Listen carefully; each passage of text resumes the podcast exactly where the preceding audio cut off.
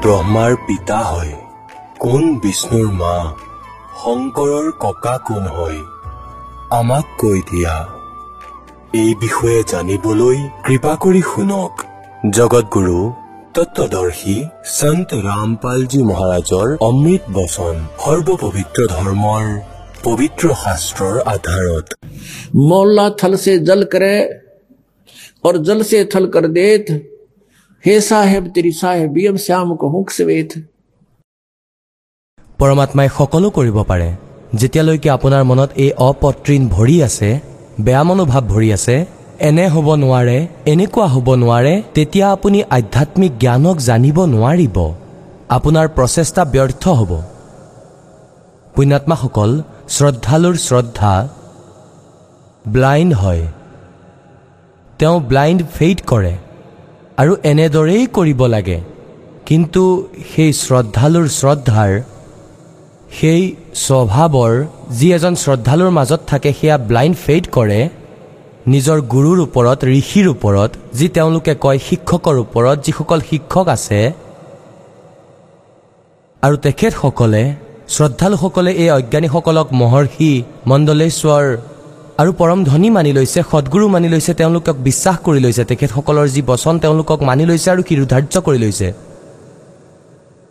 বহুত অসৎ ব্যৱহাৰ কৰিছে। এতিয়াও মূৰ্খ বনাই আছে সিহঁতৰ নিজৰেই জ্ঞান নাই।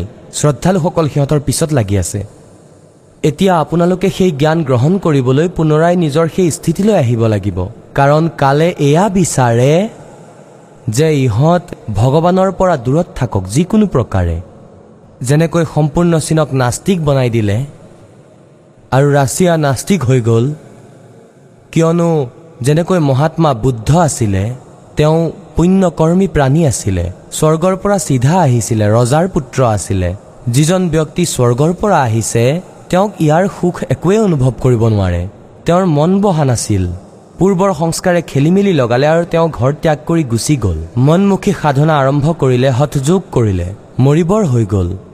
পিছত এজন মাতৃয়ে তেওঁৰ মুখত গাখীৰ চাউল দিয়াত লাহে লাহে চেতনা আহিল। সকলো বুজিব ধৰিলে পিছত ভোজন কৰিলে। তেতিয়া তেওঁ ক'লে starvation could not lead to salvation ভোকাতুৰ হৈ মৰিলে ভগৱানক পোৱা নাযায়। পাছত তেওঁৰ পূৰ্বৰ সংস্কাৰ আছিলে কিছু। সেইকাৰণে তেওঁৰ বচনত শক্তি আছিলে। লাখ লাখ মানুহ অনুগামী হৈ গ'ল। কিন্তু ৱে অফ ৱৰ্শ্বিপ ঠিক নাছিলে। যেনেকৈ সম্পূৰ্ণ চীন মহাত্মা বুদ্ধৰ বিচাৰত প্ৰভাৱিত হৈ তেওঁৰ লগত ধাৰ্মিকতাৰে লাগিছিল ৰাজনীতিৰে নহয়। এতিয়া আগলৈ গৈ মহাত্মা বুদ্ধৰ দ্বাৰা কোৱা সাধনাৰে ৱে অফ ৱৰ্শ্বিপৰে পূজাৰ বিধিৰে কোনো লাভ নহ'ল তেওঁলোক নাস্তিক হ'বৰ আছিলে কিয়নো ভগৱান নায়েই। এতিয়া তেওঁলোকে এয়াই বিচাৰিছিলে যেনেকৈ লাখ লাখ ব্যক্তি এই নকল গুৰুসকলৰ ওচৰলৈ গ'ল ভাল আত্মাসকল শ্ৰদ্ধাৰে বহি আছিলে আৰু ভাবিছিলে মুক্তি হ'ব। যেতিয়া সিহঁতে এই জ্ঞানৰ কথা জানিব পৰমাত্মাৰ সত্যৰ জ্ঞানৰ কথা জানিব তেতিয়া তেওঁলোকে পলায়ন কৰিব।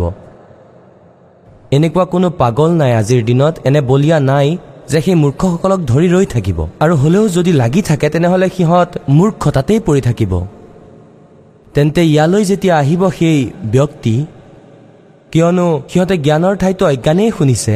আৰু সিহঁতে বিছ বিছ বৰ্ষলৈকে দবাই ৰাখিছে। আৰু সেয়া লাহে লাহে যেতিয়া এই জ্ঞান ইয়াৰ পৰা আৰম্ভ হ'ব তেতিয়া তেওঁলোকৰ মনত বেয়া ভাৱ বিদ্যমান হ'ব যিবোৰ প্ৰথমতে তেওঁলোকে শুনি ৰাখিছিল।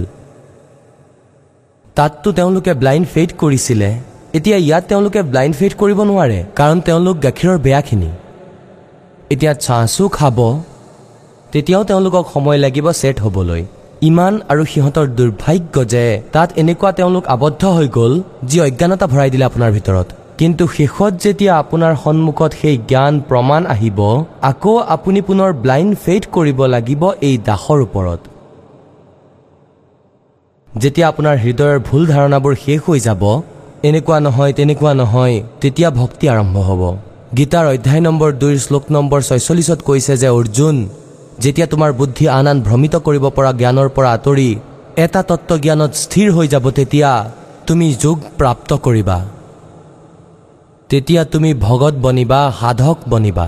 নহ'লে কেতিয়াবা ইফালে ধ্যান যাব কেতিয়াবা এইটো সঁচা হ'ব কেতিয়াবা সেইটো মিছা হ'ব। ইয়াৰ পৰা আঁতৰি এক তত্ত্বজ্ঞানত আশ্ৰিত হ'বা যেতিয়া তোমাৰ সাধনা আৰম্ভ হ'ব।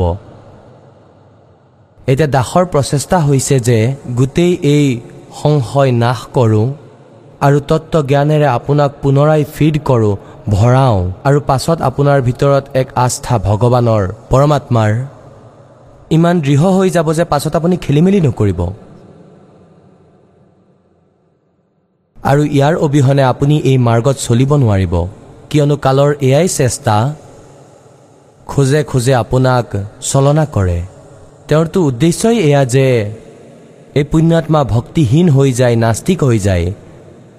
বিশেষ কৰি কলিযুগত কলিযুগত কিয় কিয়নো পৰমাত্মাৰ পৰা তেওঁ বচন লৈ লৈছিল কবিৰ ভগৱানৰ পৰা এই কাল ভগৱানে যে प्रभु तीन युगों में जीव कम ले जाना और चौथा युग जब कलयुग आवे तब तब शरण जीव बहु जावे ऐसा हर वचन मोहे दीजे तब तुम गमन संसार ही कीजे যে চতুৰ্থ যুগত যিমানেই জীৱ লৈ যোৱা কিন্তু চতুৰ্থ যুগত এয়াও প্ৰাৰ্থনা কৰিছিলে এই কালে যে হে প্ৰভু যিয়ে আপোনাৰ জ্ঞানক স্বীকাৰ কৰি ল'ব সি আপোনাৰ। আৰু যদি আপোনাৰ জ্ঞানক স্বীকাৰ নকৰে তেন্তে তেওঁক জোৰ দি নিনিব। তেওঁ মোৰ।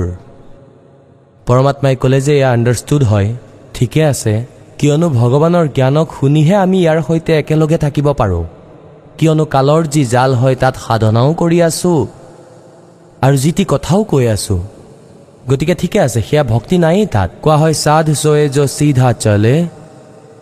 ভকত তেওঁৱেই হয় সাধ মানে সাধক যি সকলো বেয়া কৰ্মৰ পৰা আঁতৰি আৰু ইয়াৰ স্থিতিৰে পৰিচিত হৈ সঠিক ভাল পথেৰে চলে। মৰ্যাদাত থাকে বেয়া কৰ্মৰ পৰা আঁতৰি থাকে। সংসাৰৰ যি মায়া আছে এই মায়াৰ পৰা বাচে। নাচ গান কৰা ফান কৰা ডি জে বজোৱা। এয়া কোনো এজন ভক্তৰ লক্ষণ নেকি? পাছত তেওঁলোকৰ কোনো ভয় নাই ভগৱানৰ। কাৰণ কালে বিচাৰে যে তেওঁলোকে ভক্তি নকৰে নাস্তিক হৈ যায়। আৰু এই নাচা গোৱা ডি জে বজোৱা বিয়াত ইমান খৰচ কৰি দিয়ে দুজন সন্তানৰ সংস্কাৰ কৰা চাৰিজন মানুহ বহি। এয়া কোৱা হয় যে মই মোৰ ছোৱালীৰ বিবাহ আপোনাৰ ল'ৰাৰ লগত কৰাম। বিয়া হৈ গ'ল। ইয়াৰ আগত কিমানেই ফান কৰা কোৱা বিয়া সন্তানৰ বচনেৰে হৈ গ'ল বচনেৰে পৰ হৈ গ'ল বচনেৰে গোটেই সৃষ্টি ৰচনা হ'ল বচনৰ ওপৰত মানুহ থিয় থাকিলে তেওঁ সকলো ফালৰ পৰা সুবিধা প্ৰাপ্ত হয়। আৰু পাছলৈ নাচা গান গোৱা খোৱা বোৱা কৰা ইমান দান সেই সকলোবোৰ নিজৰ মূৰৰ ওপৰত ভাৰ ৰখা হয় গাধ হোৱা হয়। কাৰোবাৰ টকাত আস্থা ৰাখিলে প্ৰাণী কেতিয়াও সুখী হ'ব নোৱাৰে। গতিকে যেতিয়ালৈকে আমাৰ জ্ঞান নাছিলে তেতিয়ালৈকে বিষপান কৰিয়ে আছিলোঁ এতিয়া গম পাই যাম যে এয়াতো বহুত ভয়ংকৰ কাম হয় कहते हैं तुमने उस दरगाह का मैल नहीं देखा और धर्मराज के तिल तिल का लेखा कौन बिराने बाहर न डोवे फिर যেনেকৈ কালি আপোনালোকক এটা কথা শুনাইছিলোঁ এক সাধু সন্তৰ এক নকল ভগত তেওঁৰ প্ৰাৰ্থনা কৰিলে আপুনি ভক্তি কৰিলে আপুনি সন্তৰ সেৱা পাব তেওঁ ভগতৰ ঘৰতে থাকিবলৈ ল'লে ভগতে সেৱা কৰে তেওঁ খাই বৈ শুই যায় দুৱাৰ বন্ধ কৰি মহাত্মাই সাধনা কৰে। আৰু পাছলৈ মৃত্যুৰ পাছত ভগতৰ ঘৰতেই সি গৰু হ'ল আৰু গৰু গাড়ী টানি ভগতৰ খোৱা বোৱাৰ সি সুদ ভৰিলে তেতিয়া পৰমাত্মা গৰীবদাসজীৰ তাৰ ওপৰত দয়া উপজিল। তেতিয়া তাক ক'লে যে শুনা তুমি ভক্তি কৰা নাছিলা সেইবাবেই ভগতৰ যি খাইছিলা সেয়া শোধ কৰিব লাগিব। লাঠি খাই কৰা বা নিজ ইচ্ছাৰে কৰা। সম্পূৰ্ণ কৰিব লাগিব। তাৰ পাছত গুচি গ'ল তেওঁ তাৰ পৰা। তো কেতে তুম দৰগা কা মেল নি দেখা ধৰ্মৰাজ কে তিল তিল কা লেখা গতিকে আপুনি যেতিয়া কাৰোবাৰ পৰা যৌতুক লয় সেয়া আপোনাৰ ওপৰত ভাৰ হৈ পৰিব। আৰু সেয়া আপুনি উভতাই দিবই লাগিব। কাৰোবাৰ গৰু হ'ব কাৰোবাৰ গাধ হ'ব কাৰোবাৰ খৎচৰ বনিব সেয়া শোধ কৰিবই লাগিব পিছত। কিয় মূৰৰ বিষ কৰি থাকা? जैसे किरका जहर का रंग होरी हो कहो कौन तिस खावे राम रंग होरी हो যেনেকৈ বিষৰ ক'ৰবাত কণা পৰি আছে আৰু আপুনি জানে যে সেয়া কণা হয় আৰু বিষৰ হয় তাত হাতো নলগাবা কিবা অন্য বস্তুৰে ধৰি তাক বাহিৰত পেলাই আহিবা গতিকে এনেকুৱা আপুনি যিবিলাক ক্ৰিয়া কৰি আছা ঘোচ লৈ আহিছা বা কাৰোবাৰ পৰা যৌতুক লৈ আছা বা কাৰোবাৰ লগত খেলি মেলি কৰি আছা বা কোনো সুত লৈ আছা কোৱা হয় এয়া বিষপান কৰি আছা তুমি গিলাচে গিলাচে খাই আছা আৰু এক কণাও বিষৰ খাদ্য তুমি খাব নোৱাৰিবা। কোৱাৰ ভাৱ এয়াই যে আমি অজ্ঞানতাবশতঃ এই কামবোৰ কৰি আছোঁ। আৰু যেতিয়া গম পাই যাম ইয়াৰ ভয়ংকৰ পৰিণাম পাম। तो जैसे किरका जहर का रंग होरी हो कहो कौन तिस खावे राम रंग होरी हो কোৱা হয় কোনে খাব সেই বিষ যেতিয়া জানি যাব গতিকে আমি বিনা জ্ঞানেৰে দুখ পাই আছোঁ গতিকে ভগৱানে যেতিয়া দিব সম্পূৰ্ণ দিব কাৰোবাৰ বেলেগৰ ধনেৰে চুৰ কৰি আজিলৈকে কোনো ছেট হ'ব পৰা নাই এতিয়া যি প্ৰসংগ চলি আছে আমি তালৈ আহোঁ যিবোৰ সাধনা শাস্ত্ৰবিধি ত্যাগ কৰি নিজৰ মনৰ মতে আচৰণ কৰে তেওঁলোকৰ কোনো উপলব্ধি আধ্যাত্মিক মাৰ্গৰ নাই परमात्मा कहते हैं डंब करें डूंगर चढ़े डूंगर कहते हैं ऊं- ऊंची सी पहाड़ी पाल टीले पे য'ৰ পৰা দূৰৰ পৰা দেখা যায় डंब करें डूंगर चढ़े अंतर झीनी झूल और जग जाने ये बंदगी करें ये बो है सूल बबूल সাধাৰণ মানুহে ভাবে ডাঙৰ সাধকে সাধনা কৰি আছে চোৱা ৰাতিপুৱাৰ পৰা ৰাতিলৈকে তপস্যা কৰি আছে গতিকে পৰমাত্মাই তেওঁৰ সেই আধ্যাত্মিক মাৰ্গত কয় যে যে জনতাই জানে এয়া ভক্তি কৰে ইয়া বৌৱে চুল ববুল এয়াতো দম্ভ কৰি আছে তেওঁ ওপৰত বহি। এয়া ঢৌ কৰি আছে দেখাই আছে। পৰমাত্মাক পোৱাৰ যি ভক্তি এয়া বহুত চিম্পুল হয়। আৰু ইয়াৰ বাবে পৰমাত্মা স্বয়ং আহিবলগীয়া হৈছিল। এই যথাৰ্থ জ্ঞান দিবলৈ যেনেকৈ যোৱাকালি ৰাতিৰ সম্পূৰ্ণ সৎসং এই উদ্দেশ্যৰেই আছিলে যে পৰমাত্মা কেনেকুৱা হয় সেই পৰমাত্মাই কি কৰে। গতিকে সেই পৰমাত্মাৰ বিষয়ে আপোনালোকে পবিত্ৰ বেদত পবিত্ৰ বাইবেলত পবিত্ৰ কোৰাণ শ্বৰীফত এয়া দেখিছে যে ভগৱান মনুষ্য সদৃশ হয় মনুষ্যৰ দৰে। কিন্তু তেওঁৰ শৰীৰৰ উজ্জ্বলতা বহুত বেছি হয় আৰু তেওঁ ওপৰত থাকে সৎলোকত সিংহাসনত বিৰাজমান থাকে। আৰু তাৰ পৰা গতি কৰি সৎলোকৰ পৰা ধুলোকৰ পৰা সেই তৃতীয় মুক্তিধামৰ পৰা গতি কৰি প্ৰস্থান কৰি খোজকাঢ়ি ইয়ালৈ আহে। আৰু ইয়াত তেওঁ ভাল আত্মাসকলক লগ কৰে। আৰু ভাল আত্মাসকলক লগ কৰি নিজৰ তত্বজ্ঞানক নিজেই কয় পৰমাত্মাই পৰমেশ্বৰ কবীৰদেৱে যি লীলা কৰিছিল সেয়া ছশ বছৰ আগতে কৰিছিল। সেয়া তেওঁৰ জীৱনীৰ ভিতৰত ভগৱানৰ লীলাৰ ভিতৰত লিপিবদ্ধ আছে। সেইবোৰ লিখা আছে। আজি আমি বেদ দেখিছোঁ আৰু আগতে সেই বেদক কোনেও বুজিব পৰা নাছিলে। সেই বেদত এয়াই লিখা আছে যে সেই পৰমাত্মা তিনি স্থিতিৰ শৰীৰেৰে তিনি প্ৰকাৰৰ নিজৰ বেশভূষাৰে শৰীৰৰ বেশভূষাৰে। এই শৰীৰো আমাৰ এক বেশভূষাই হয়। আমাৰ তলত অৰিজিনেল শৰীৰ বেলেগ হয় সকলোৰে। তাৰ ওপৰত এই তিনি প্ৰকাৰৰ শৰীৰ ধাৰণ কৰে আৰু ইয়াৰ দ্বাৰা সকলোৰে ধাৰণ পোষণ কৰে অৰ্থাৎ সকলোকে প্ৰতিপালন কৰে।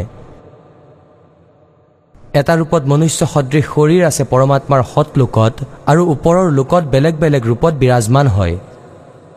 গতিকে সৎ লোকত পৰমাত্মাৰ এটা কোপৰ শোভা কোটি কোটি সূৰ্য মিলাই দিয়া কোটি চন্দ্ৰ মিলোৱা। তথাপিও পৰমাত্মাৰ প্ৰকাশ তাতকৈ অধিক হয়। এডাল নোমৰ কোপৰ ইমান তেজময় শৰীৰ হয়। কিন্তু গৰম নাই। আৰু সেইজন পৰমাত্মা যেতিয়া অন্য স্থিতিলৈ আহে তেওঁ প্ৰত্যেক যুগত এটাকৈ লীলা কৰে। নৱজাত শিশুৰ ৰূপ ধৰি প্ৰকট হয় আৰু বাহিৰত জংঘলত নগৰৰ পৰা বাহিৰত বনত এটা পুখুৰীৰ মাজত য'ত কোনো নদীৰ পৰা সোঁতৰ মাধ্যমেৰে কোনো ঠাইত পানীৰে ভৰি আছে তেনে সৰোবৰৰ মাজত প্ৰকট হয়। পদুমৰ পুষ্পত। আৰু এই সকলো কাৰ্য পৰমাত্মাই নিজৰ নিৰ্ধাৰিত উদ্দেশ্য লৈ আহে সেই আধাৰতেই কৰে। আৰু পাছত তেওঁক কোনো সৎ আত্মাই উঠাই লৈ যায় যি পূৰ্বৰে সংস্কাৰী হয় যি বেদত লিখা আছে। দেখুৱাম লাহে লাহে সকলো পৰিচয় কৰাম। আৰু পাছত লাহে লাহে যেতিয়া তেওঁ ডাঙৰ হ'বলৈ ধৰে সৰু বয়সতে পৰমাত্মাই নিজৰ যি উদ্দেশ্য লৈ আহিছিল সেই তত্ত্বজ্ঞান প্ৰচাৰ আৰম্ভ কৰি দিয়ে। আৰু সেই পৰমাত্মাৰ জ্ঞানৰ ওচৰত ডাঙৰ ডাঙৰ বিদ্বান মণ্ডলেশ্বৰ সকলোৰে মুখ সেমেকা হৈ যায়। তেওঁলোকে উত্তৰ দিব নোৱাৰে। গতিকে এই প্ৰকাৰে পৰমাত্মাই আন প্ৰকাৰে যি শৰীৰেৰে লীলা কৰে সেই শিশুৰূপ ধাৰণ কৰি আহে আৰু এনেকৈ জনসাধাৰণৰ দৰে কাম কৰে নিজৰ নিৰ্বাহ নিজ হাতেৰে কৰে। আৰু তেওঁ পূৰ্ণ পৰমাত্মাও হয় আৰু এজন ভগতৰো লক্ষণ তেওঁৰ থাকে। আৰু এজন তত্ত্বদৰ্শী সন্তও কমপ্লিট ইন অল ৰেচপেক্ট তেওঁৱেই হয়। আৰু এজন সৎ নাগৰিকৰ ৰোলো তেওঁৱেই কৰি দেখুৱায়। আমাক এটা এক্সাম্পল কোড কৰে ভগৱানে যে এই লোকত আপোনালোকে পৰমাত্মা পাবৰ বাবেহে চেষ্টা কৰিব লাগে। ইয়াত অন্য বস্তুৰ যদি তুমি ইচ্ছা ৰাখিছা, তেনেহ'লে তুমি সৰু বালক হৈ আছা, পুতলা খুজিছা। আৰু সেই পুতলা ভাঙি গ'লে তুমি কান্দা। তুমি ইয়াত কি বস্তু খুজিব লাগে? চাই ইতনা দিজিও যা মে কুটুম সমাবে হম ভি ভুখে না রহে অতিথি না ভুখো যাবে যেহে পৰমাত্মা ইমান দিয়ক যাতে পৰিয়াল সোমাব পাৰে। অৰ্থাৎ ৰিকুৱাৰমেণ্ট অফ ফেমিলি পৰিয়ালৰ আৱশ্যকতা ফুলফিল হওক। ইমানখিনিয়েই দিয়ক দাতা। আমিও যাতে অনাহাৰে নাথাকোঁ আৰু যদি কোনোবা অতিথি আহে তেওঁ অনাহাৰে নাথাকে। ইয়াতকৈ অধিক নালাগে। পৰমাত্মা কেতিয়া গৰ্ত চাৰে তিন হাত और गना तो पौने चार कह कबीर अधिका गह ताको नहीं विचार নিজৰ চাৰে তিনি হাতৰ এই শৰীৰ হয় প্ৰত্যেক ব্যক্তিৰ নিজৰ চাৰে তিনি হাত অৰ্থাৎ এই কিলাকুটিৰ পৰা ইয়ালৈকে এইটো হাত কোৱা হয় আৰু ইয়াৰে চাৰে তিনি হাত জোখ আপুনি কিবা ৰছীৰে জুখি ল'লে আপুনি শৰীৰৰ সম্পূৰ্ণ জোখ পাব অৰ্থাৎ কোৱা হয় ঘৰটো চাৰে তিন হাত তাত তাত সম্পূৰ্ণভাৱে শুই যাব পাৰিব। অৰ ঘনাটো পনে চাৰ। আৰু অলপ বেছি কৰি এক ফুট লৈ লোৱা যায়। আৰু ইয়াতকৈ বেছি যদি ডিমাণ্ড আছে সেয়া ফাল্টু হয়।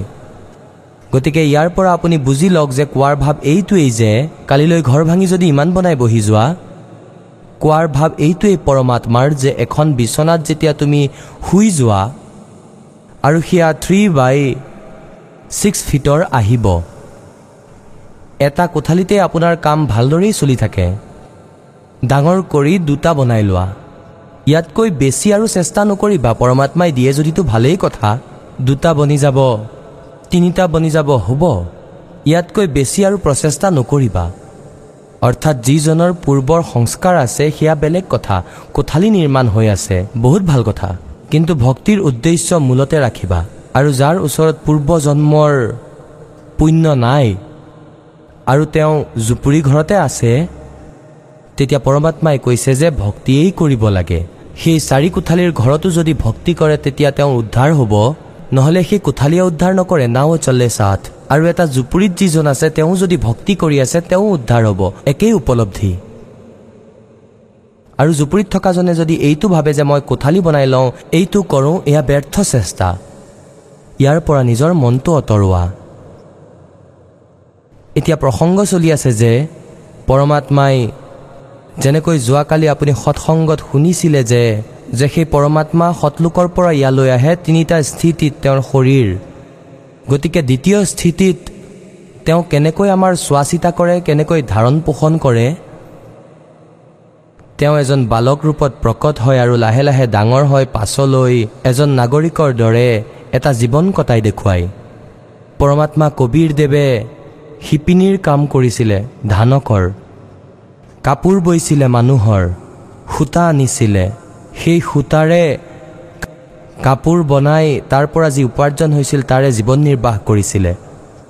আৰু তাৰ পৰা যি বাচি গৈছিলে ঘৰত খোৱা বোৱা কৰাৰ পিছত যি বাচি গৈছিল সেই ধনেৰে ভাণ্ডাৰাত বা ধৰ্ম কামত লগাই দিছিল। পৰমাত্মাৰ ঘৰত তেওঁৰ যি দুজন পুত্ৰ পুত্ৰী আছিল তুলি লোৱা যাক মৃত্যুৰ পৰা জীৱিত কৰিছিল কোনো চাৰ্কামষ্টেঞ্চত কোনো এনে হঠযোগক ছেট কৰিবলৈ পৰমাত্মাৰ মহিমাক প্ৰকট কৰিবলৈ এজন বালিকা আছিল তেৰ বছৰৰ। এজন শ্বেখ টকী নামৰ পীৰৰ কবৰত সুমুৱাই ৰাখিছিল।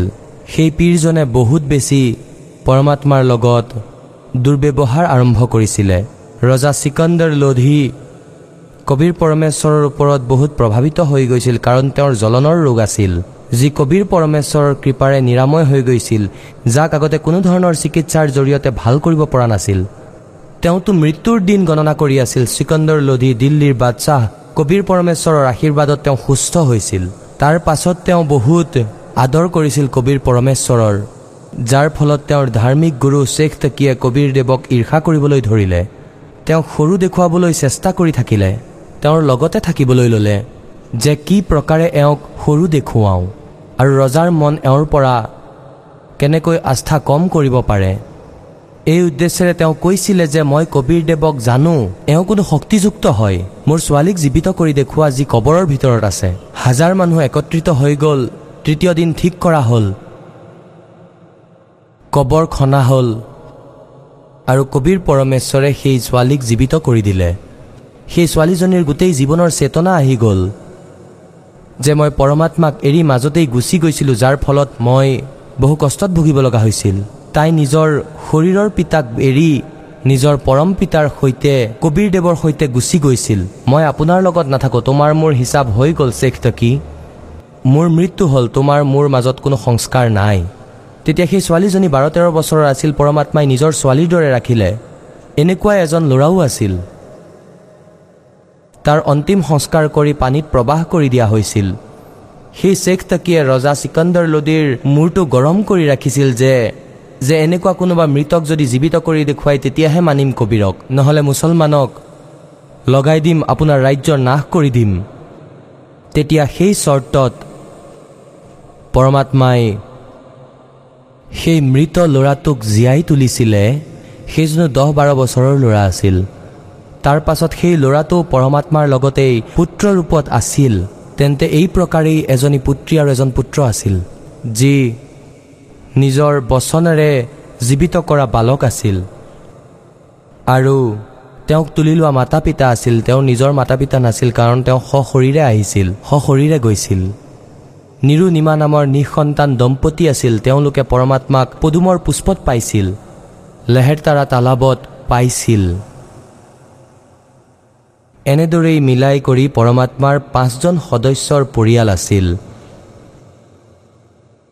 হাতেৰে কাপোৰ বৈছিলে মাক দেউতাক বৃদ্ধ হৈ গৈছিল আৰু সেই কাপোৰৰ পৰা যি ধন উপাৰ্জন কৰিছিল তাৰ পৰাই নিজৰ জীৱন নিৰ্বাহ কৰিছিল।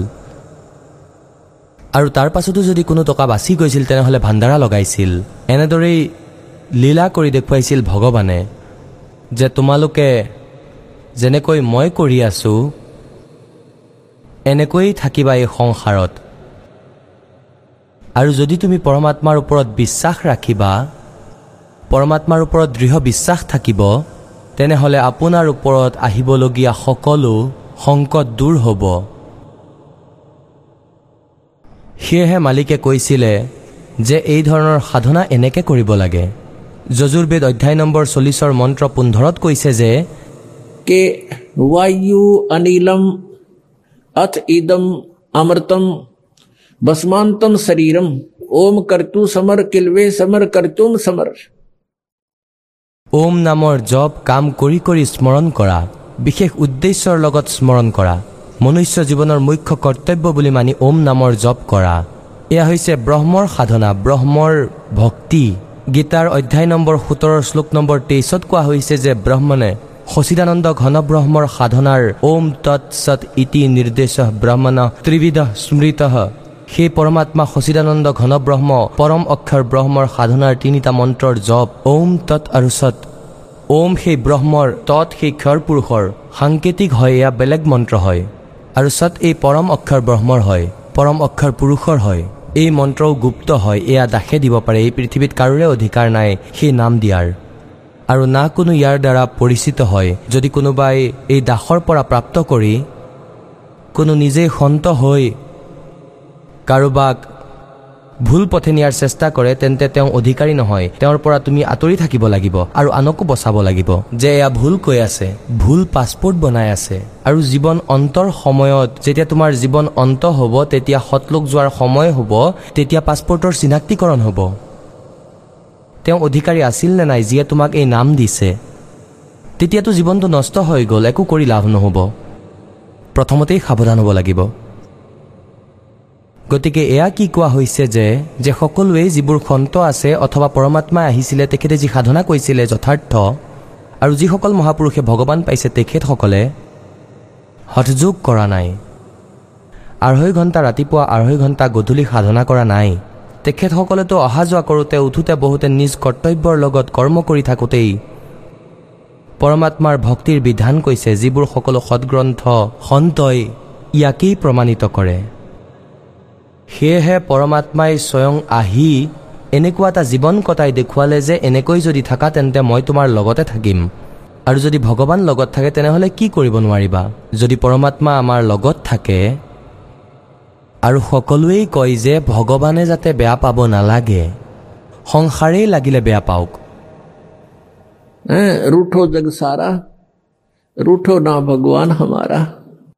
গতিকে পৰমাত্মাক সন্তুষ্ট কৰিবলৈ আমি সাধকসকলে চেষ্টা কৰিব লাগে।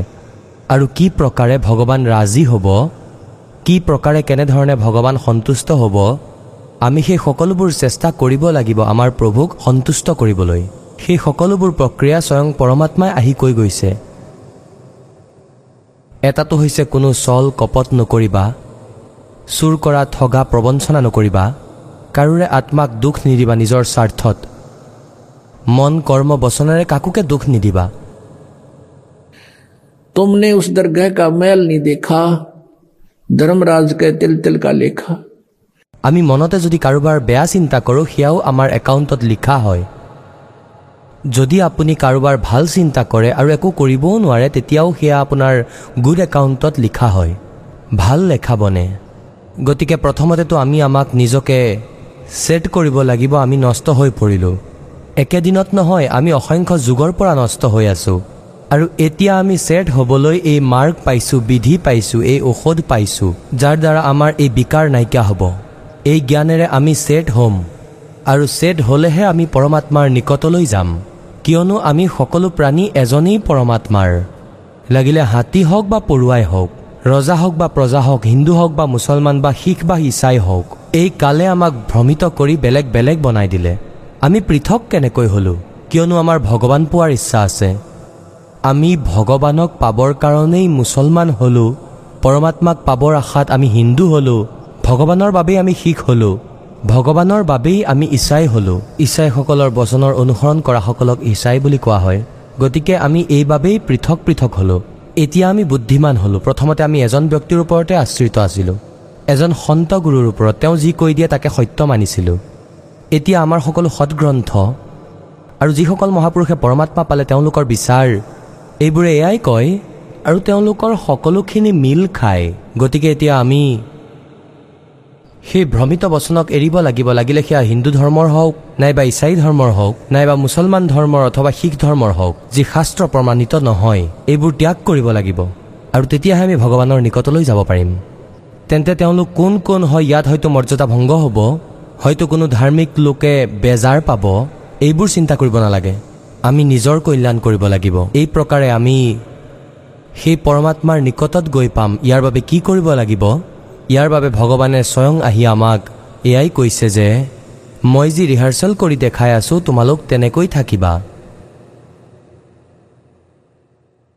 এতিয়া পৰমাত্মাই কি কি লীলা কৰিছে साई इतना दीजियो जा मैं कुटुम समावे हम भी भूखे ना रहे अतिथि न भूखो जावे অৰ্থাৎ যি ভক্তি আমি কৰিছিলোঁ যি সাধনা আমি কৰিছিলোঁ যিয়ে যেনেকৈ কৈ দিছিলে আমি সেইধৰণেই কৰিবলৈ মান্তি হৈ গৈছিলোঁ। এতিয়া প্ৰসংগ চলি আছে যে এয়া ৰাতিপুৱা আঢ়ৈ ঘণ্টা গধূলি আঢ়ৈ ঘণ্টা বহাৰ বিধান এয়া সন্তমতৰ নহয়। এয়াতো হঠযোগ হয়। আৰু এইবোৰ হাজাৰ বছৰ কৰি চালেও এইবোৰৰ পৰা একোৱেই পোৱা নাযায়। আৰু কোৱা হয় ধ্যান লগোৱা এই নকল পন্থীসকলে কয় আমি চিধা ত্ৰিকুটিলৈ যাওঁ। ত্ৰিকুটি ইয়াত নাই। ত্ৰিকুটি ইয়াৰ পিছফালে আছে এই বেক ছাইডত আৰু কয় যে ত্ৰিকুটিৰ পৰা আমি চিধা ওপৰলৈ যাওঁ। ওপৰলৈ ক'লৈ যাবা? না তোমালোকে সতনাম জানা না সৎলোকৰ কথা জানা? সতনামক তোমালোকে ক'ৰবাত স্থান বুলি কৈছা আকৌ সতনামক ক'ৰবাত সৎপুৰুষ বুলি কৈছা। আৰু সতনামটো শিপা হয় সকলো মাৰ্গৰ। সতনাম দুটা আখৰৰ মন্ত্ৰ হয় য'ত এটা ওম হয় এটা তৎ হয়। তৎ এয়া সাংকেতিক হয় এয়া দাসে ক'ব যিয়ে সতনাম পাইছে দুটা আখৰৰ যি উশাহ নিশাহৰে স্মৰণ হয়। তেন্তে এয়া সতনাম হয়। এওঁলোকৰ সতনামৰ বেৰা নাই এওঁলোকে পাঁচ নাম দিয়ে। অংকাৰ ৰংকাৰ জ্যোত নিৰঞ্জন এই তিনিও কালৰ আৰম্ভণিত। আৰু সোহম আৰু সতনাম ইয়াত সতনাম বুলি কৈছে। তাত এওঁলোকৰ যি পুস্তক আছে বাৰ্তিক ইয়াৰ ভিতৰত লিখা আছে যে সেয়া সতনাম চতুৰ্থ লোক হয় চতুৰ্থ মহল হয় আৰু পাছত সেই সাৰ শব্দ সেয়াই সাৰ নাম হয়। সৎনামেই সৎখণ্ড সৎলোক হয় সৎনামেই সৎপুৰুষ হয়। এইবোৰ মিছা জ্ঞান এইবোৰ ক'ত পাইছা? তোমাৰ জ্ঞানেই ইউজলেছ হয় তুমি ক'ত ধ্যান দি আছা? তোমাৰ থিয়ৰিয়েই ভুল প্ৰেক্টিকেল কি কৰিবা তুমি? গতিকে যিসকল মহাপুৰুষে পৰমাত্মাক পালে কোনে কোনে পালে? আদৰণীয় ধৰমদাস চাহেবজী আদৰণীয় মুলুকদাস চাহেবজী আদৰণীয় দাদুদাস চাহেবজী আদৰণীয় নানক চাহেবজী আদৰণীয় গৰীবদাস চাহেবজী গাঁও চুৰাণী জিলা জজ্জৰ হাৰিয়ানাৰ আদৰণীয় ঘিচা দাস চাহেবজী গাঁও খেখৰা জিলা মেৰঠ উত্তৰ প্ৰদেশৰ। এই মহাপুৰুষসকলে পৰমাত্মাক পাইছিলে। তেখেতসকলে তেওঁৰ সাধনা দেখিছিলে। কেনেকৈ কৰিছিলে? যেনেকৈ গৰীব দাস চাহেবজী কৃষক আছিলে খেতি কৰিছিলে ভক্তিও কৰিছিলে আৰু পৰমাত্মা স্বয়ং আহিছিলে শিপিনীৰ কাৰ্যও কৰিছিলে কেতিয়াবা হঠযোগ কৰিছিলে তেওঁৰ জীৱনত দেখুৱাই দিয়া হৈছে ইতিহাসত তেওঁৰ বাণীত য'তেই কৰিছে তাত লিখা আছে। এনেকুৱাই আদৰণীয় নানক দাস চাহেবজী খেতি কৰিছিলে প্ৰথমতেতো চাকৰি কৰিছিলে। সেই চাকৰিও ত্যাগ কৰিলে যেতিয়া ভগৱানৰ সৈতে পৰিচয় হ'ল সচখণ্ডলৈ গৈ উভতি আহিল তাত দেখিলে ভগৱানক সৎপুৰুষক কবিৰ চাহেবক উভতি আহিয়ে তেওঁ চাকৰিও ত্যাগ কৰিলে আৰু বাৰ বছৰলৈকে পৰমাত্মাৰ প্ৰচাৰ কৰিলে ইফালে সিফালে ঘূৰি ফুৰি। পাছত পৰমেশ্বৰে আদেশ দিলে যে আপুনি বহি যাওক আপোনাৰ বহুত বিৰোধিতা হ'ব কালৰ দূত সক্ৰিয় হৈ পৰিছে। আপুনি ঘৰত নিজৰ সাধনা কৰক সময় আহিব দিয়ক এতিয়া এই নাম গুপ্ত ৰাখিব।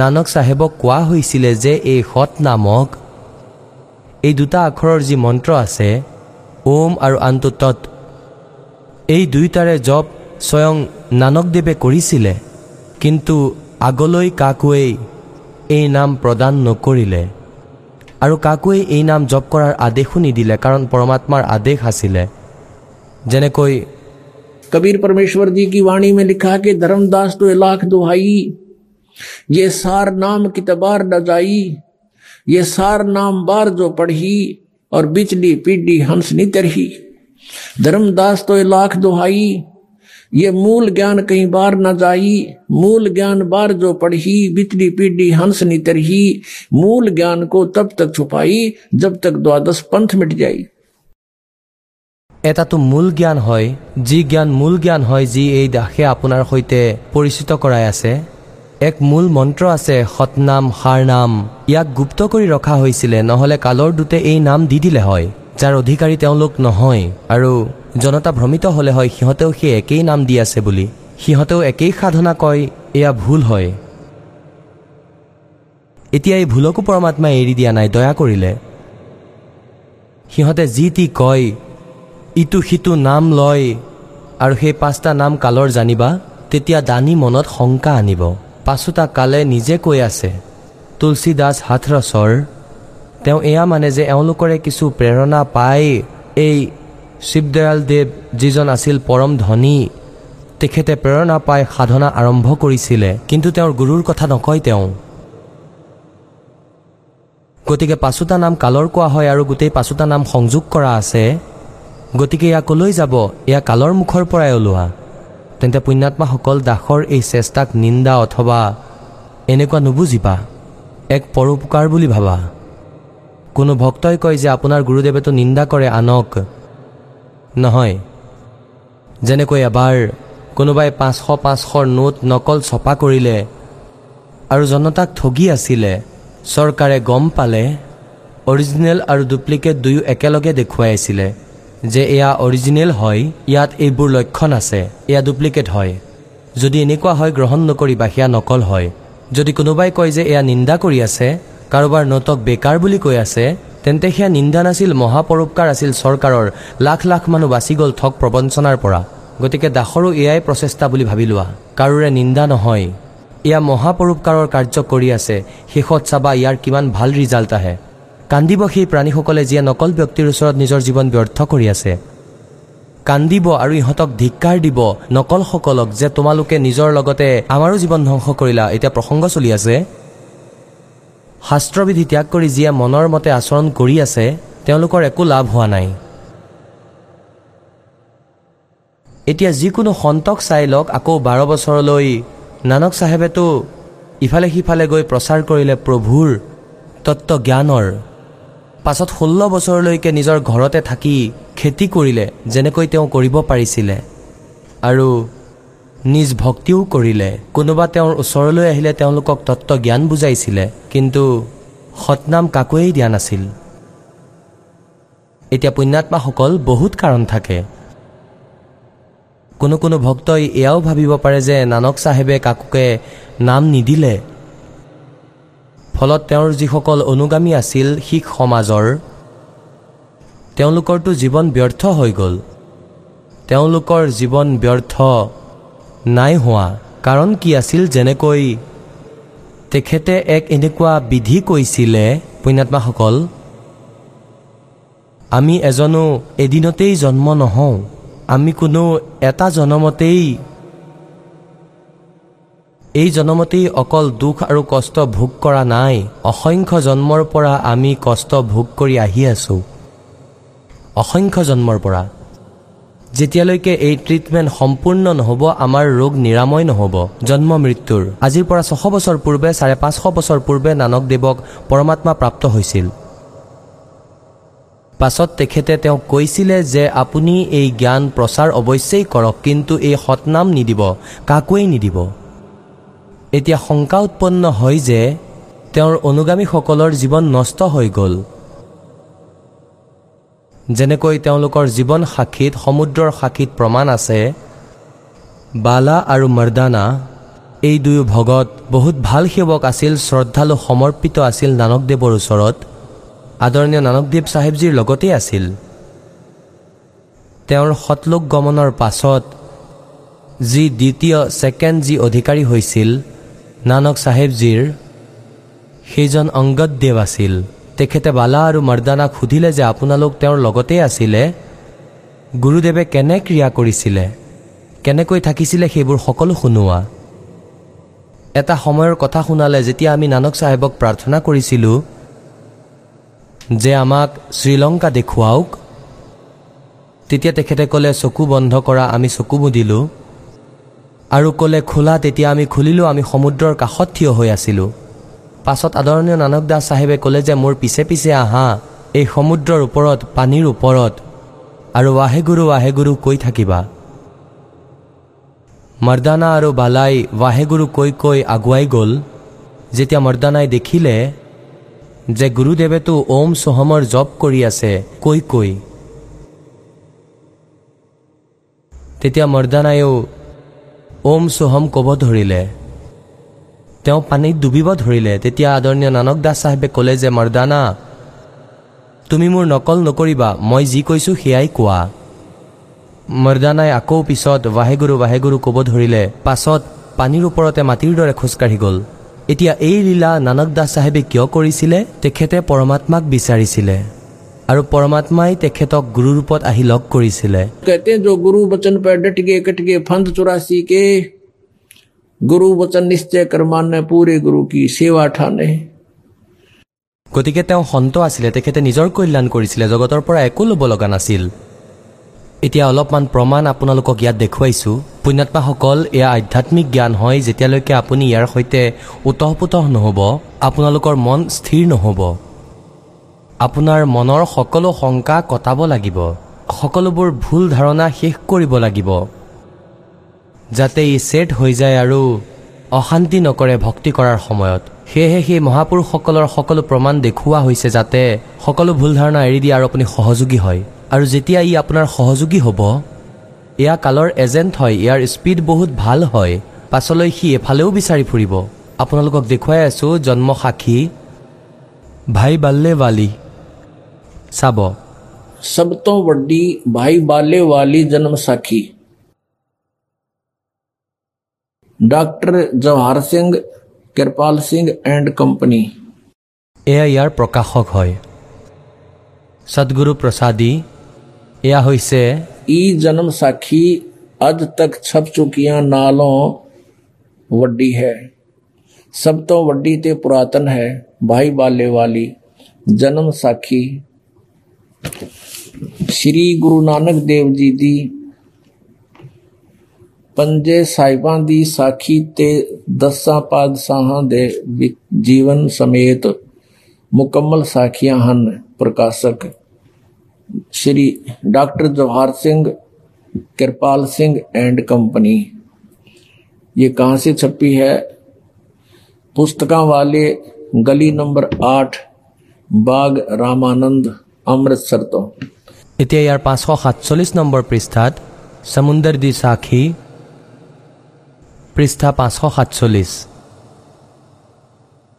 ইয়াৰ পৰা পঢ়িম বালা চন্ধু ৱাছ এতিয়া বালা সন্ধু বালা সন্ধু ৱাছ সন্ধু এওঁৰ গোত্ৰ আছিলে বালা সন্ধু ৱাছ এতিয়া সেই বালা সন্ধুৱে ক'লে তাতে সেই গুৰু অংগদজী যদ গুৰু নানকজী জিতিয়ে ক'লো জিতিয়ে পাছ বিদা হৈ অজিতে। अजीते थे विदा होकर आगे चले। ता मर्दाने किया सच्चे पातशाह, जी असा समुंदर ता देखिया, पर लंका ना देखी, जिथे रामचंद्र जी चढ़ाई कीती है। ता गुरु नानक जी किया चलो, भाई बाला ते मर्दाना, तुहानू रंज नहीं करना। ਅੱਖੀ ਮਿਟੋ ਜਾਂ ਅੱਖੀ ਮੀਟ ਕੇ ਖੋਲੀਆਂ ਤਾਂ ਸਮੁੰਦਰ ਦੇ ਕੰਢੇ ਜਾਈ ਖੜੇ ਹੋਏ ਤੇ ਆਖਣ ਲੱਗੇ, ਬਾਲਾ ਤੇ ਮਰਦਾਨਾ, ਮੇਰੇ ਪਿੱਛੇ ਪਿੱਛੇ ਚਲੇ ਆਉ ਮੁਖੋ ਵਾਹਿਗੁਰੂ ਵਾਹਿਗੁਰੂ ਕਹਿੰਦੇ ਆਓ ਤੇ ਆਗੇ ਆਗੇ ਗੁਰੂ ਜੀ ਔਰ ਤੁਰ ਪਏ। जैसे धरती ऊपर तुरदे सन उसी तरह समुंदर ऊपर तुर पे जा चले जावण ते पीछे पीछे बाला ते मर्दाना जावण ਤਾਂ ਮਰਦਾਨ ਨੇ ਵਿਚਾਰ ਕੀਤੀ ਕਿ ਗੁਰੂ ਨਾਨਕ ਜੀ ਗੁਰੂ ਨਾਨਕ ਦੇਵ ਜੀ ਓਮ ਸੋਹਮ ਜਪਦੇ ਜਾਂਦੇ ਹਨ ਤਾਂ ਮਰਦਾਨਾ ਵੀ ਓਮ ਸੋਹਮ ਲੱਗਾ ਜਪਣ। ਤੇ ਲੱਗਿਆ ਗੋਤੇ ਖਾਵਣ। ਜਾਂ ਗੁਰੂ ਨਾਨਕ ਜੀ ਦੇਖਣ, ਤਾਂ ਮਰਦਾਨਾ ਗੋਤੇ ਖਾਂਦਾ ਹੈ, ਤਾਂ ਗੁਰੂ ਜੀ ਕਿਹਾ, ਮਰਦਾਨਾ, ਗੁਰੂ ਜੀ ਦੀ ਕਰਨੀ ਵੱਲ ਨਹੀਂ ਦੇਖਣਾ। ਗੁਰੂ ਦੇ ਬਚਨਾਂ ਪਰ ਚੱਲਣਾ ਚਾਹੀਏ। ਤੂੰ ਮਰਦਾਨਾ ਉਹੇ ਆਖ ਜੇ ਅਸਾਂ ਆਖਿਆ ਹੈ ਤਾਂ ਮਰਦਾਨਾ ਫੇਰ ਲੱਗਿਆ ਵਾਹਿਗੁਰੂ ਵਾਹਿਗੁਰੂ ਕਹਿਣ ਤਾਂ ਫਿਰ ਚਲ ਜਲ ਉੱਪਰ ਉਸੇ ਤਰ੍ਹਾਂ ਤੁਰਨ ਲੱਗਾ এয়া হয়তো আপুনি পাঞ্জাবী বুজি পোৱা নাই পঢ়িব পৰা নাই গতিকে হিন্দীত আপোনালোকক দেখুৱাই আছোঁ চাব কাৰণ দাসৰ উদ্দেশ্য হ'ল যে সংশয় নাশ কৰা এয়া ভাই ৱালে ৱালি গুৰু নানক দেৱৰ জন্মসাক্ষী ভাই সত্তৰ সিং জীৱন সিং অমৃতসৰৰ পৰা এয়া প্ৰকাশিত। এয়া হৈছে ইয়াৰ প্ৰকাশক। ইয়াৰ পাঁচশ ঊনাষাঠি পৃষ্ঠাত লিখা আছে এয়া সেয়াই। পঞ্জে চাহিব জীৱন সম্পূৰ্ণ সাক্ষী আছে প্ৰকাশক চতৰ সিং জীৱন সিং অমৃতসৰ ইয়াৰ কেৱল প্ৰকাশক আৰু অনুবাদক সলনি হৈছে। বাকী সকলো মেটাৰ যেনেকুৱা আছিল তেনেকুৱাই আছে। এয়া হৈছে পাঁচশ ঊনসত্তৰ পৃষ্ঠা আৰু সমুদ্ৰ কি সাক্ষী সমুদ্ৰদি সাক্ষী এদিন মৰ্দানাই ক'লে যে হে মহাৰাজ মোৰ মনে কৈছে যে সমুদ্ৰ সিপাৰে যি লংকা আছে তাৰ ভ্ৰমণ কৰোঁ গুৰুদেৱে ক'লে ঠিকে আছে তোমাৰ চকু মুদা যেতিয়া মই আৰু মৰ্দানাই চকু বন্ধ কৰিলোঁ আকৌ যেতিয়া খুলিলোঁ তেতিয়া দেখিলোঁ আমি গুৰুদেৱৰ লগত মহান সমুদ্ৰ পাৰত থিয় হৈ আছিলোঁ তেতিয়া গুৰুদেৱে ক'লে যে তোমালোকে সমুদ্ৰৰ পানীত ৱাহে গুৰু জপ কৰি খোজকাঢ়ি আহা হে গুৰু অংগদেৱজী আমি গুৰুদেৱৰ পিছে পিছে সেই প্ৰকাৰে গৈ আছিলোঁ যেনেকৈ শুকান মাটিত খোজকাঢ়া যায়। আগে আগে গুৰুজীয়ে ওম চোহমৰ জপ কৰি গৈ আছিলে। তেতিয়া মৰ্দানাই ভাবিলে যে আমিও ওম চোহম জপ কিয় নকৰোঁ? তেতিয়া মৰ্দানায়ো ওম চোহমৰ ৰথ লগাবলৈ ধৰিলে। আৰু তেতিয়াই তেওঁ ডুবিবলৈ ধৰিলে। গুৰুদেৱে পিছলৈ ঘূৰি চালে আৰু হাঁহি পেলাই ক'বলৈ ধৰিলে হে মৰ্দানা শিষ্যৰ ধৰ্ম হৈছে যে তেওঁ গুৰুৱে কোৱা মাৰ্গত চলিব লাগে। সেইবাবেই তুমি ৱাহেগুৰুৰ জপ কৰা তাতেই তোমাৰ কল্যাণ হ'ব। আৰু যেতিয়া মৰ্দানাই ৱাহেগুৰু নাম ল'বলৈ ধৰিলে পিছত আকৌ আগৰ দৰে পানীত খোজকাঢ়িব ধৰিলে। পুণ্যাত্মাসকল এয়া আধ্যাত্মিক মাৰ্গ হয় এতিয়ালৈকে লুকুৱাই ৰাখিব আছিল পৰমাত্মাৰ আদেশ আছিলে।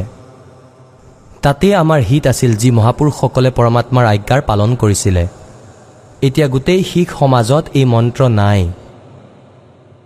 আৰু এই কাৰণে কিয়নো গুৰুদেৱে মানা কৰিছিলে। তেন্তে এয়া সপোনতো নহয় ইয়াৰ উল্লেখ ক'তোৱেই নাই কৰা। আৰু গুৰু গ্ৰন্থ চাহেবৰ ভিতৰত যেতিয়া সংগ্ৰহ কৰিব ধৰিলে অংগদেৱজী এনেতো ইয়াৰ সংগ্ৰহ গুৰু অৰ্জুনদেৱে কৰিছিলে। হ'লেও বাণী মহাপুৰুষসকলে যি যি ধৰণে লিখিছিলে সেই সময়ত এই উদ্দেশ্যেৰে যে গুৰুদেৱৰ আদেশ আছে যে এই মন্ত্ৰ কাৰো হাততে নপৰে আৰু ইয়াৰ জপ নকৰিবা কোনেও যাতে গম নাপায় সেয়েহে গুৰু গ্ৰন্থ চাহেবৰ যি সংগ্ৰহ কৰা বাণীত সেই সময়ত এই বচনক এৰি দিয়া হৈছিল য'ত ক্লিয়াৰ মন্ত্ৰ আছিল। সেই সকলো বাণী এৰি দিয়া হৈছিল। আৰু সেয়েহে যে যদি কাৰোবাৰ হাতত পৰে আৰু সেই জপ নকৰাৰ গুৰুদেৱৰ আজ্ঞা আছিল আজ্ঞাৰ অৱহেলা হ'ব। গতিকে এটা প্ৰাণ সংঘলি বনাই ৰাখিছিলে শিখ সমাজেই। সেই প্ৰাণ সংঘলিৰ ভিতৰত এই মন্ত্ৰ লিখা আছে। গুৰুদেৱৰ সেই শব্দ লিখা আছে য'ত এই মন্ত্ৰ স্পষ্ট লিখা আছে এই জপ জপা। আৰু তাত এয়া লিখা আছে প্ৰাণ সংঘলিৰ ভিতৰত গুৰুগ্ৰন্থৰ সময়ত সংগ্ৰহ কৰাৰ সময়ত এই বাণী বাচি গৈছিল। ইয়াক পৃথককৈ সংগ্ৰহ কৰি কৰি আৰু এয়া প্ৰথমৰ বাণী এয়া প্ৰাণ সংঘলি নামেৰে পুস্তক প্ৰকাশিত কৰা হৈছিল। এতিয়া ইয়াৰ কাৰণ কি আছিল? এতিয়া আপোনালোকৰ শংকা উৎপন্ন হ'ব যে শিখ গুৰু নানকদেৱে এনেকুৱা কিয় কৰিলে সমাজক ইয়াৰ পৰা কিয় বঞ্চিত কৰিলে? এয়াই মূল মন্ত্ৰ ইয়াৰেই কল্যাণ সম্ভৱ। এতিয়া পুণ্যাত্মাসকল যেনেকৈ আমি ডক্তৰৰ ওচৰলৈ যাওঁ ডক্তৰে আমাক চাই যে ইয়াৰ কোনো অন্য সমস্যা আছে নেকি? যদি ইয়াক এইটো ইনজেকশ্যন লগোৱা হয় তেন্তে হ'লে ই কাম নকৰিব। তেন্তে ইয়াৰ বাবে কি কৰা হয় তেওঁক গ্লুক'জ আৰম্ভ কৰি দিয়ে। আৰু তাতেই এনেকুৱা শক্তি ঔষধ যাৰ দ্বাৰা শৰীৰৰ কোনো বেয়া নহয় এনেকুৱা ঔষধ ঢালি এনেকুৱা ইনজেকশ্যন লগাই সেয়া আৰম্ভ কৰি দিয়ে। আৰু পাছত ইয়াৰ কাৰণেই সেই শৰীৰ বেয়া নহয়। গতিকে আমাৰ ভক্তিৰ যি প্ৰাৰূপ বেয়া হৈছে আৰু ইয়াত ঠগ প্ৰবঞ্চনা বেছি প্ৰৱেশ হৈছে। পৰমাত্মাই তেওঁৰ বচনৰ আধাৰেৰে এই সময়ত এই ভক্তিক আনিব আছিলে। আপোনালোককো ভক্তিৰ আস্থাত ৰাখিব আছিলে। সেয়েহে কোনোবাই যিকোনো দেৱতাৰ পূজা কৰিছিলে আৰু তেওঁৰ পুৰণি সংস্কাৰ পূৰ্বৰ সংস্কাৰ ভাল আছিলে তেতিয়া পৰমাত্মাই আপোনাৰ বিপদ আহিলে সহায় কৰিছিলে। এইবোৰ কবিৰ পৰমেশ্বৰে কৰিছিলে। আৰু আমি এয়া ভাবিছিলোঁ যে মই শ্ৰীকৃষ্ণৰ পূজা কৰোঁ। মোৰ ভগৱান শ্ৰীকৃষ্ণই মোক আজি এনেকুৱা লাভ দিলে। পৰমাত্মাই এই বিষয়ে একো চিন্তা কৰা নাছিলে। তেওঁ বিচাৰিছিলে আস্থা বনি থাকক ভগৱানৰ প্ৰতি। লাগিলে পাথৰৰ মূৰ্তি বনায়ো তেওঁ পূজা কৰি থাকক আস্থা বনাই ৰাখক। ইয়াৰ পৰা যদি মোৰ লাভ হয় একো প্ৰব্লেম নাই কৰি থাকক। এতিয়ালৈকে এই ভক্তিক আৰু আপোনাৰ দুয়োৰে এই বিশ্বাস অটুট ৰাখিব আছিল। এতিয়া যেনেকৈ গুৰু নানক চাহেবজীয়ে ভাণ্ডাৰা আৰম্ভ কৰিলে প্ৰথমতে তেওঁ নিজৰ খেতিৰে তেওঁ স্বয়ং নিজৰ ভাণ্ডাৰা নিজৰ ঘৰৰ পৰাই কৰিছিলে। যিমানেই এশ দুশ প্ৰথমতে ভগত নিজে আহিছিলে নানক চাহেবৰ ওচৰলৈ তেতিয়া তেওঁ নিজৰ ঘৰৰ পৰাই সকলোকে ভাণ্ডাৰা ভোজন কৰাইছিলে। পাছত লাহে লাহে জ্ঞান দিছিলে যে ভক্তি কৰিব লাগে আৰু ধৰ্ম কৰিব লাগে ভাণ্ডাৰা কৰিব লাগে। ভোজন প্ৰমাণ ধৰ্ম তো নি লোক তুমি খেৰ হে কি যে পাছলৈ লাহে লাহে অনুগামীসকলেও বুজিব ধৰিলে যে হে প্ৰভু আমাৰো কিছু পুণ্য হওক। আমিতো আপোনাৰেই খাই আছোঁ সকলো। আমাৰ কল্যাণ কেনেকৈ হ'ব? তেতিয়া তেওঁ পৰমাত্মাই তেতিয়া নানক চাহেবে বিচাৰিছিলে যে মই আজি কৈ দিওঁ তুমি ঘৰৰ পৰা আটা আনিবা ঘিঁ আনিবা এজনো নাহিব। আৰু নানক চাহেবে নিজ ঘৰৰ পৰাই সিহঁতৰ ভাণ্ডাৰা আৰম্ভ কৰিলে। পাছত জ্ঞান দিলে ভগৱানৰ বিধান ক'লে তেতিয়াহে সিহঁতে বুজি পালে তেতিয়া সিহঁতে স্বয়ং দান কৰিব আৰম্ভ কৰিলে। ভাণ্ডাৰা আৰম্ভ কৰিলে নিজৰ টকাৰেই কোনোবাই আটা আনিলে কোনোবাই ঘি আনিলে কোনোবাই গুড় আনিলে। পৰমাত্মাই নানক চাহেবে বিচাৰিছিলে যে এওঁলোকৰ কিছু আস্থা হওক। পাছত তেওঁলোকে ভাণ্ডাৰা আৰম্ভ কৰি দিলে। এয়া পাঁচটা যজ্ঞ হয়। ইয়াৰে এটা যজ্ঞ ধৰ্মৰ।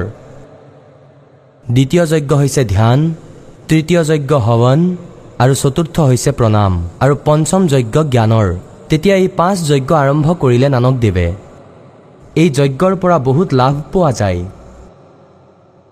কিন্তু মুক্তি হ'ব নোৱাৰে। এতিয়া ইয়াৰে কি হ'ল? আকৌ আগলৈ গৈ গুৰু গ্ৰন্থ চাহেবৰ পাঠ বহুত পাছত আৰম্ভ হৈছে। প্ৰথমে এনেকৈ সৎসংগ কৰিছিলে। গুৰুৱে নিৰ্ধাৰিত কৰি ল'লে পাছলৈ নানক চাহেব যোৱাৰ পাছত উত্তৰাধিকাৰী বনাই দিলে। তেতিয়া তেওঁৰ আদেশ অনুসাৰে সকলো ভকতে কিবা লৈ গৈছিলে ইজনে কিবা লৈ গৈছিলে পিছত সামূহিক ভাণ্ডাৰা আৰম্ভ কৰি দিলে। তেন্তে এই প্ৰকাৰে সিহঁতৰ পুণ্য তেওঁলোকৰ পুণ্য হৈ গ'ল পৰমাত্মাৰ বাণী শুনাতকৈও বেছি লাভ হয় যজ্ঞ হয় আমাৰ বহুত পুণ্য হয়। গতিকে এই প্ৰকাৰে নানক চাহেবজীয়েতো সেই মন্ত্ৰটো দিয়া নাছিল। অৰ্থাৎ সেই ইনজেকশ্যনটো অনা নাই কিন্তু গ্লুক'জ আৰম্ভ কৰিলে। সেই গ্লুক'জৰ পৰা অৰ্থাৎ যজ্ঞৰে আপোনাৰ কিছুতো পূৰ্বৰ সংস্কাৰ পৰমাত্মাৰ বাণীৰে আপোনাৰ কি হ'ল মনুষ্য জনম পাই আগলৈ ছশ বছৰ আগতে পৰমাত্মাই আপোনাৰ বেটেৰী চাৰ্জ কৰি থৈ গৈছিল। ছশ বছৰ আগতে যেতিয়া পৰমাত্মা আহিছিল এই পাঁচটা নাম দিছিলে পাঁচটা। অনলি সতনাম দিয়া নাছিল সেই সময়ত। কেৱল কিছু অধিকাৰীকহে যেনেকৈ আদৰণীয় নানক চাহেবজী আদৰণীয় গৰীব দাস চাহেবজী আদৰণীয় দাদু চাহেবজী আদৰণীয় ঘিচা দাস চাহেবজী আদৰণীয় মুলুক দাস চাহেবজী আৰু আদৰণীয় ধৰমদাস চাহেবজী এইসকলকতো এই মন্ত্ৰ সম্পূৰ্ণ দিছিলে। সতনামলৈকে আৰু তৃতীয় মন্ত্ৰও এওঁলোকক দিছিলে। কিন্তু এওঁলোকক আদেশ দি দিছিলে যে আপোনালোকে কাৰোৰে আগতে এই ৰহস্য নুখুলিব। এওঁলোকে যি পৰমাত্মাৰ ভক্তি কৰিলে সাধনা কৰিলে এওঁলোকক মানা কৰি দিছিলে যে কাকোকে আগলৈ এই নাম দান নিদিব। তেন্তে ইয়াৰে কি হ'ল যে সেই সময়ত এই পাঁচটা নামৰ জপ আৰম্ভ হ'ল? সেই সময়ত পৰমাত্মাৰ চৌষষ্ঠি লাখ শিষ্য হৈছিল। সেই সময়ত এই পাঁচ নাম কি কি দিছিল ৰৰংকাৰ ওংকাৰ নহয় যি আপোনালোকক এতিয়া কমপ্লিট মন্ত্ৰ দিয়া হয় সাতটা মন্ত্ৰৰ সাত নামৰ। ইয়াৰ মাজৰ যি পাঁচটা নাম হয় এয়া দান কৰা হৈছিলে। আৰু এই পাঁচ নামেৰে আমি বহুত লাভ পাইছিলোঁ। ইয়াৰে মনুষ্য জীৱনো প্ৰাপ্ত হৈছিল কিন্তু মুক্তি হ'ব নোৱাৰে। সাংসাৰিক সুখো প্ৰাপ্ত হয়। কিন্তু এতিয়া যেতিয়া আপোনাৰ কমপ্লিট ক'ৰ্ছ হৈ যাব তেতিয়া এই মন্ত্ৰই আপোনাক সহযোগ কৰিব। সেই মুক্তিৰ মাৰ্গত এই কমপ্লিট আপোনাক লাহে লাহে ক'ম। এতিয়া উদ্দেশ্য যি চলি আছে এয়া ক'ব বিচাৰিছোঁ যে গুৰু নানক দেৱে শিখ সমাজক এই যথাৰ্থ মন্ত্ৰৰ পৰা কিয় বঞ্চিত ৰাখিলে কিয়নো তেওঁ জানিছিলে। এতিয়া এওঁলোকে না মুক্তি প্ৰাপ্ত কৰিব পাৰিব। বাৰ বছৰলৈকে নানক চাহেবে সংঘৰ্ষ কৰিলে সকলোৱে বিৰোধিতা আৰম্ভ কৰিলে পণ্ডিতসকলে উৎপাত কৰিলে মুছলমানসকল বেলেগকৈ বিৰোধী হৈ গ'ল। তেতিয়া পৰমাত্মাই ক'লে যে এওঁলোকক এতিয়া থৈ দিয়া। তুমি নিজৰ ভক্তি কৰা। আৰু যি তুমি দেখিছা সেয়া তোমাৰ এফিডেভিট লিখি দিয়া। তেখেতে নিজৰ বাণী লিখিলে সকলো বাণী লিখি তেওঁ থৈ গ'ল। আজি তেওঁৰ বাণীয়ে আমাৰ বাবে এফিডেভিটৰ কাম কৰে যে কবিৰ ইজ গড। হক্কা কবিৰ কৰিম টু এ এব পৰব দগাৰ সাতশ একৈছ পৃষ্ঠাত লিখা আছে। গুৰু গ্ৰন্থ চাহেবৰ আৰু চৌব্বিছ পৃষ্ঠাত লিখা আছে ঠগি দেশ খৰাচিয়ানা বতাবাৰ ধানক ৰূপ ৰাহ কৰ্তাৰ। তেন্তে সেই সময়ত এই পাঁচটা নাম দিয়া হৈছিলে আপোনালোকক যি দিয়া হৈছে এয়া সেই মন্ত্ৰ এতিয়া বেদত দেখুৱাম আপোনালোকক परमात्मा ने कहा कि वेद मेरा भेद है पर मैं ना वेदन के माही और जौन वेद से मैं मिलूं वो वेद जानते नहीं বেদত সাংকেতিক নাম আছে এনেকুৱাই পাঁচ নামো সেই পৰমাত্মাই দিয়ে সেই পৰমাত্মাই সাত নামো দিয়ে সেই পৰমাত্মাই তিনি নামৰ মূল মন্ত্ৰও দিয়ে। আৰু পৃথককৈ তেওঁ আকৌ দুই মন্ত্ৰ দি সেই তৃতীয় মন্ত্ৰৰ সেই তৃতীয় নামো প্ৰদান কৰে। অৰ্থাৎ এয়া বেদতো লিখা আছে কিন্তু বেদ পৰমাত্মাৰেই মহিমা হয়। কিন্তু সেই মন্ত্ৰ কি হয় সেয়া পঞ্চম বেদত আছিল। সেয়া কালে নষ্ট কৰি দিলে ইয়াক দিবলৈ প্ৰভু স্বয়ং আহে। সেই সময়ৰ পৰা এই শিখ সমাজত এজন গুৰু নিযুক্ত কৰা হয়। আৰু ইয়াৰ পাছত তেওঁৰ আজ্ঞা অনুসাৰে ভাণ্ডাৰা কৰিছিলে আৰু একো নহয় বাণীৰ পাঠ কৰিছিলে। বাণী কৈছিলে তাতে সৎসংগৰ মাজত আৰু মহাপুৰুষে সেয়া অনুবাদ কৰি শুনাইছিলে আৰু ভাণ্ডাৰা হৈছিলে ভক্তসকলৰ। তেন্তে এই প্ৰকাৰে আকৌ আগলৈ গৈ পাঁচ নামো বন্ধ হৈ পৰিল। পাঁচ নামটো কেৱল কবিৰ পৰমেশ্বৰৰ যি চৌষষ্ঠি লাখ শিষ্য আছিল সেই চৌষষ্ঠি লাখ শিষ্যক দিছিল এই পাঁচ নাম। আৰু তাৰ পৰা পাছত আপোনালোকে এতিয়ালৈকে মনুষ্য জীৱন প্ৰাপ্ত কৰি আহি আছে। কিছু পূৰ্বৰ সংস্কাৰ জন্ম জন্মান্তৰৰ পুণ্যাত্মাসকলৰ মনুষ্য জীৱনৰ আৰু লগতে ভক্তিৰ আস্থা আজিলৈকে আপোনালোকৰ বিদ্যমান হৈ আছে। গতিকে যি কাৰণত মালিকে জানিছিলে যে কলিযুগৰ মধ্যত এয়া কলিযুগৰ মধ্য বুলি মানি চলা। অৰ্থাৎ এতিয়া হৈছে সেয়া সঠিক টাইম ভক্তিৰ। আৰু ইয়াতেই কালে এজেণ্ট ৰাখি থৈছে য'তেই উঠাই চাবা ত'তেই সন্ত পাবা। আৰু লাখ হাজাৰৰ সংখ্যাত তেওঁৰ শিষ্য পাবা। তেওঁলোকৰ কখৰো জ্ঞান নাই। সকলোকে মূৰ্খ বনাই আছে সৰল আত্মাসকলক। গতিকে এই সময়লৈকে আপোনালোকক আনিব আছিল ভক্তিৰ আস্থা অটুট ৰখাব আছিল আৰু শিখ সমাজক এই মন্ত্ৰ এইকাৰণেই দিয়া নাছিল যে যেনেকৈ এই ৰাধা স্বামী পন্থীসকলে সৰ্বপ্ৰথমে এই কবিৰ দেৱৰ বাণীক আধাৰ মানিছিল। যি নিজৰ প্ৰমাণ তেওঁলোকে দি আছে নিজৰ সমৰ্থনত আৰু দুই নম্বৰত গুৰু গ্ৰন্থ চাহেবক মানিছিল। আৰু যদি এই মন্ত্ৰ তেওঁলোকৰ থাকিলে হয় তেন্তে তেওঁলোকে এই মন্ত্ৰ দিয়া আৰম্ভ কৰিলে হয়। এওঁলোক অধিকাৰী নহয় এওঁলোক কালৰ দূত হয় এওঁলোকৰ গুৰু ষ্টাৰ্টৰ পৰাই নাই। এওঁলোকৰ যি গুৰুদেৱ আছিলে শিৱদয়ালজী যাৰ দ্বাৰা কোৱা হয় এই ৰাধাস্বামী পন্থ চলিছে তেওঁৰ কোনো গুৰুৱেই নাছিল আৰু ইয়াত ভগৱানে স্বয়ং আহিও নিজৰ গুৰু মানিছে। মৰ্যাদা বনাই ৰাখিবলৈ। গুৰু নানক দেৱৰো গুৰু আছিল পৰমাত্মা স্বয়ং আহি প্ৰকট হৈছিল তেওঁক আৰু তেখেতে নাম দিছিলে শিষ্য বনালে। আৰু পাছত গুৰু নানক দেৱেও কৈছে যে মই সদগুৰুক পালোঁ দীক্ষা দিলে। মই সদগুৰুক পালোঁ আৰু মোক দীক্ষা দিলে। আৰু শিখ সমাজে কয় যে গুৰু নানক দেৱৰ কোনো গুৰু নাছিলে। গতিকে এয়া ইনকমপ্লিট নলেজ হয়। আধৰুৱা জ্ঞান হয় যাক এনেকুৱা বাণী বুলি কোৱা হয়।